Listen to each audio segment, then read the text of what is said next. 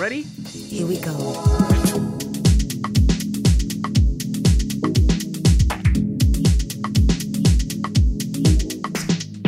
Hej! Välkommen med till Hantera dina fyrk. Här pratar vi om pengar och ekonomi. med teman som är relevanta för oss alla. Jag heter Ronja. Och jag heter Ida. Och dessutom har vi med oss olika experter då vi diskuterar. Välkomna med. Välkommen tillbaka till Hantera dina fyrk.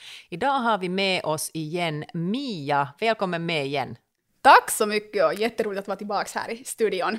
För er som kanske inte nu har lyssnat på Mias tidigare avsnitt så rekommenderar jag att ni verkligen ska göra det. Då pratar vi mera om sådana grundgrejer bakom den där egna privatekonomin. Eller hur skulle du beskriva vårt förra avsnitt, Mia? Jag skulle säga att det var kanske mer just sån här att lära känna sig själv och, och sina värderingar och hur man kommer igång med att budgetera och, och lägga den här grunden för att den där egna ekonomin funkar i den där egna vardagen. Precis. Men idag ska vi dyka in lite djupare. Vi ska börja prata mer om att spara. Och att spara är ju kanske någonting som no, man pratar massor om att spara och man pratar om hur viktigt det är och varför man ska göra det och, och, och hur mycket man ska spara och vart man ska sätta de sparade pengarna. Så det, liksom, det är ju ett, jätte, ett ämne som är mycket omtalat. Det är det, men det, där, det är något som jag också gärna lyfter också upp att, att det är många människor som börjar spara men av en eller annan orsak misslyckas med det där sparandet. Och det som ekonomirådgivare är kanske ett dilemma som jag ofta stöter på, att människor har svårt att hålla upp den där motivationen. Ja, och jag tror att just att hålla upp den där motivationen så det kan ju vara att man har helt enkelt satt för höga mål åt sig genast i början. För då kan det hända att minsta lilla motgång som kommer emot så misslyckas man på grund av att man har orealistiska förväntningar på sig själv också. Jag brukar lite jämföra det med det här att, att lägga upp nyårslöften för att gå och gymma. Att är det inte alla som säger att man ska börja träna fem gånger i veckan där i januari, men i februari månad så är ingen på gymmet mera. Och samma gäller ju det här med pengar, att just att lägga de här realistiska målsättningarna från första början och budgetera in det där sparande så skulle jag nog säga att det är nycklarna till att lyckas. Men sen också, också det att vi har som sagt ett mål som motiverar oss. Att jag brukar också säga att, att det att jag som ekonomirådgivare eller vem som helst säger till dig att du måste börja spara, och det har vi säkert alla hört att våra föräldrar har sagt till oss, så det kommer inte att motivera någon inte. Att vi är ganska konkreta varelser, vi människor, så vi måste ha det ganska tydligt för oss att varför väljer vi att inte konsumera de där pengarna idag, utan flytta dem dit i framtiden och använda upp dem vid ett senare tillfälle. Jo, för det är inte så där jättelätt att, att skjuta fram den där belöningen, så att säga. Det är lite det det handlar om, att, att när du sparar idag så skjuter du fram belöningen så att du kommer att få den någon gång senare. Och, och då behöver du nog ha en sån belöning som, som liksom känns värd den där väntan och, det där, och, och kanske på ett sätt också dela upp det där sparandet i många olika saker, för att det kan hända att du, okej, okay, behöver en ny cykel, no, vi sparar till den där cykeln, men sen får du den där cykeln och har du inget annat mål därefter så kanske ditt sparande slutar där, men har du samtidigt också fast ett mål att du vill köpa en egen bostad i framtiden, så då fortsätter du ändå med det sparande, fast du slutar med eh, att spara till din cykel när du har köpt den. Ja, man kan kanske ja, summera det med att vi ska kanske ha de här kortsiktiga målen och långsiktiga målen. Och, och kanske just det här att vi alltid har något vi lite strävar efter, för det brukar kanske lite, hur ska man nu säga, det är nog kanske det som motiverar, åtminstone mig. Nu vet jag inte hur det är med er lyssnare och så, men att det där, vad tänker ni om det här? Ja, Ida, vad motiverar dig att spara? No, jag är nog helt för det där att det måste finnas något konkret som jag sparar till. Att just det där att fast namnge då det där konto som man sparar pengar till, att må det då vara fast. No, vi alla vet att jag håller på med hästar, så någonting, att behöver då någonting nytt åt hästarna till exempel. Liksom helt, helt något konkret. Jo, då, då, jag håller helt med om det där och, och jag har så där att jag um, också delar upp mina pengar just i, det här är någonting som kommer att ske inom ett år eller två och det här är sånt som jag tänker mig att kommer att vet du, behövas pengar till om 10, 20, 15 år och så vidare. Och då tänker jag att då är det ju en annan form av sparande, då kanske det mer handlar om placeringar också. Jo, jag, jag skulle säga också det här att innan vi börjar spara så är det här också kanske viktigt att liksom ta det där liksom psykologiska där bakom innan vi börjar ta till de här praktiska åtgärderna. Och jag kan tipsa om det här att till exempel göra en drömkarta åt sig själv och fundera på att hur vill du att ditt liv ska se ut om till exempel ett år, om fem år eller om tio år. Och sen e- efter det så då börjar jag fundera på att vad är de där målsättningar. Och sen för de som är lite äldre, kanske, kanske redan är i arbetslivet och så här, så kan det också vara bra att fundera på det här att hur vill du att ditt liv ser ut när du slutar jobba och blir pensionerad? Att det här är sådana saker som man, det skulle vara bra att man börjar tänka på redan i ung ålder. För att det, där, det är ganska många som är, är det där, inte kanske är så medvetna om det här att inkomsten faktiskt sjunker ganska mycket också när man blir pensionerad. Och förstås så, desto tidigare du börjar spara så desto mera tid har du på dig och desto mindre behöver du lägga åt sidan varje månad. Så jag skulle nog säga att, att det där att vi lite visualiserar och tänker på att hur vill vi leva vårt liv och, och det där, hur vill vi förverkliga oss själva? Och den vägen börjar jag fundera på sen det här att varför lägger vi undan pengar? Finns det några andra mm, orsaker varför man då misslyckas, förutom det här att man kanske inte sätter konkreta mål åt sig, eller, eller man sätter då för stram budget? Är det några andra sådana saker som du möter på fältet när du är ute och föreläser, eller, eller det här, vad ska jag handleder privatpersoner? Det är nog också det här att det där sparandet är inte systematiskt. Att det är många som tänker att nå, jag lägger nu undan ifall det blir något över i slutet av månaden. Och det där eh, det är nog ganska vanligt att de där pengarna som är där på brukskonto, så de, de används nog upp. Så att ifall det är så att, att det där, du tänker börja målmedvetet spara, så lägg undan de där sparpengarna i början på månaden, då du får din inkomst på konto och samma veva betalar räkningar. Så du, du har den här ena dagen då du sköter allt och liksom lägger grunden för din ekonomi och, och då lägger också undan pengar i sparen. Det handlar ju alltså om att betala sig själv först egentligen, för att det som blir kvar i slutet av månaden är ganska lite, ganska vanligt. Så, det där, så sköter du undan det i början så betalar du åt dig själv och, och ser till att du tryggar din egen framtid och ditt eget sparande och ja, också det där att du minimerar din egen stress. För att pengar är också en sån sak som ofta orsakar stress och, och har du ett bra sparande och, som är systematiskt och som rullar på av sig själv utan att du behöver sätta så mycket energi på det ens, så har du en trygghet Exakt, och det är just det här att när vi känner oss trygga så är det kanske nog också, eller det garanterar ju inte att vi mår bra, men det ökar åtminstone sannolikheten för det, att vi mår bra. För nu är det tyvärr på det viset i Finland att, att det är många som känner ångest över det här med pengar och många som ligger vakna och funderar på att hur ska man få slantarna att räcka till.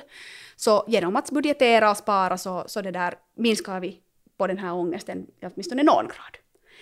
Och sen en annan sak som, som jag gärna nog också lyfter upp så är det att, att eh, just finländare är kanske inte så förberedda för oväntade utgifter i vardagen. Att eh, det var nu 2019 som Garantistiftelsen, Marta Lito och Andelsbanken gjorde en undersökning där det framgick att hela 40 procent av den finska befolkningen inte är förberedda för oväntade utgifter i sin vardag. Och nu helt här under, under våren 2020, under, under undantagstillståndet och coronan, så har vi ju fått se att det har också drabbat flera. Att om du inte är förberedd för det, att, att möjligen bli permitterad eller arbetslös, så kan det gå ganska illa. Eller åtminstone vara utmanande. Så att det där, genom att spara pengar också så kanske vi lite eh, mjukar upp de här dunsarna som uppstår i livet. Att det är ju nog på det viset att livet går inte rakt uppåt utan det, det går ju lite i vågor. Så att det där lite, lite milda de här, eller gör de mjukare de här landningarna där när det inte alltid går så bra. Och det är ju också jättelätt att under de situationerna när livet går rakt uppåt eh, så glömmer man lätt bort liksom att det kan svänga. Och, det där, och därför, därför egentligen göra det till en vana som sker hela tiden, som är liksom lika vet du, vanligt som att du stiger upp och vet du, äter frukost och allt annat som du gör där hemma i, i din vardag. Så lika vanligt ska det vara också att spara. Men hur är det sen då när du har när du sparar, och du har ju pratat ganska mycket om sådana relativt kortsiktiga mål ändå här, så hur är det sen om man har sådana långsiktiga mål, så vad ska man göra med sina pengar då? Då ska man våga börja kräva avkastning på dem.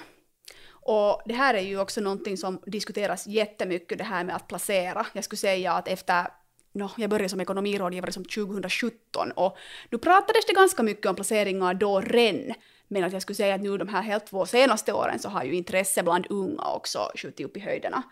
Och jag märker att ofta också när man är på, håller föreläsningar på fältet och så här så är det, är det faktiskt sådana frågor som unga är intresserade av. Att hur ska jag få mina pengar att växa? Och det där, här är det ju också, också bra att tänka på det att, att den här tiden för ditt sparande, att den kommer ju att egentligen bestämma ganska långt att hur du kan placera dina pengar. Att ifall du har en, en placeringshorisont på plus sju år så har du betydligt bättre förutsättningar att ta risker. Medan sen om du har ett medellångt sparande på, vad ska vi säga, 3 till 7 år, så då kan du kanske inte ta lika stora risker.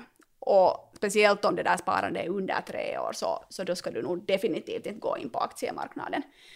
Jag tycker, om, jag tycker om just det här när du säger om det här att, att man ska verkligen utvärdera den där tiden som man har liksom sätter in sig på, för jag har hört ett sådant här uttryck som jag tycker är ganska bra, är, är, så här att om du har en tanke att sätta in dina pengar för ett år, så kan du lika väl singla slant äh, att det där att, att kommer liksom gå plus eller minus, för det är så korta tider att det helt enkelt tiden räcker inte till.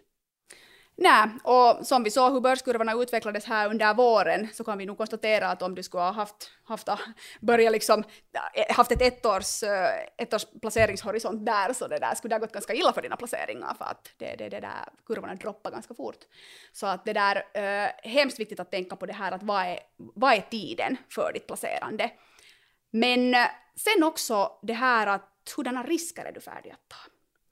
Att nu är det ju på det viset att dina, ditt sparande och dina placeringar, så det ska definitivt inte göra det att du mister nattsömnen. Utan det ska vara en trygghet för dig, inte en negativ sak. Och det där, då är det bra att fundera just på det här att hurdana, hurdan risktagare är du? Och hur förhåller du dig till exempel i sådana situationer där eh, du mist, går miste om 100 euro versus en situation var du vinner 100 euro. För ganska ofta kan det nog vara på det viset att det känns helt roligt att vinna 100 euro, men det känns betydligt värre att förlora den där 100 euron. Så att helt enkelt tänka i de här tankebanorna att det är fullt möjligt att du både vinner och förlorar. Och hur påverkas din ekonomi av det och har du möjligheter att ta de här riskerna? Och här skulle jag nog också rekommendera att, att det där bankerna så de gör ju sådana här riskanalyser och utvärderar att hurdana risker kunden kan ta så på sina kontor. Så jag skulle nog rekommendera att ifall du går i tankarna att börja placera så här, så att boka en tid in med ett proffs och diskutera igenom det här. Och nu betyder det ju inte det att du måste ta emot just de tjänsterna som banken erbjuder, utan, utan att du kartlägger situationen på marknaden, vad erbjuder olika aktörer, jämför priser, helt på samma sätt som när du konkurrensutsätter till exempel elavtal. Så att du som placerare och i det här fallet så då konsumenten känner till vad utbudet är, hurdana produkter kan du få, vad kostar de, vad är riskerna och passar de ditt, dina sparmål och placeringsmål.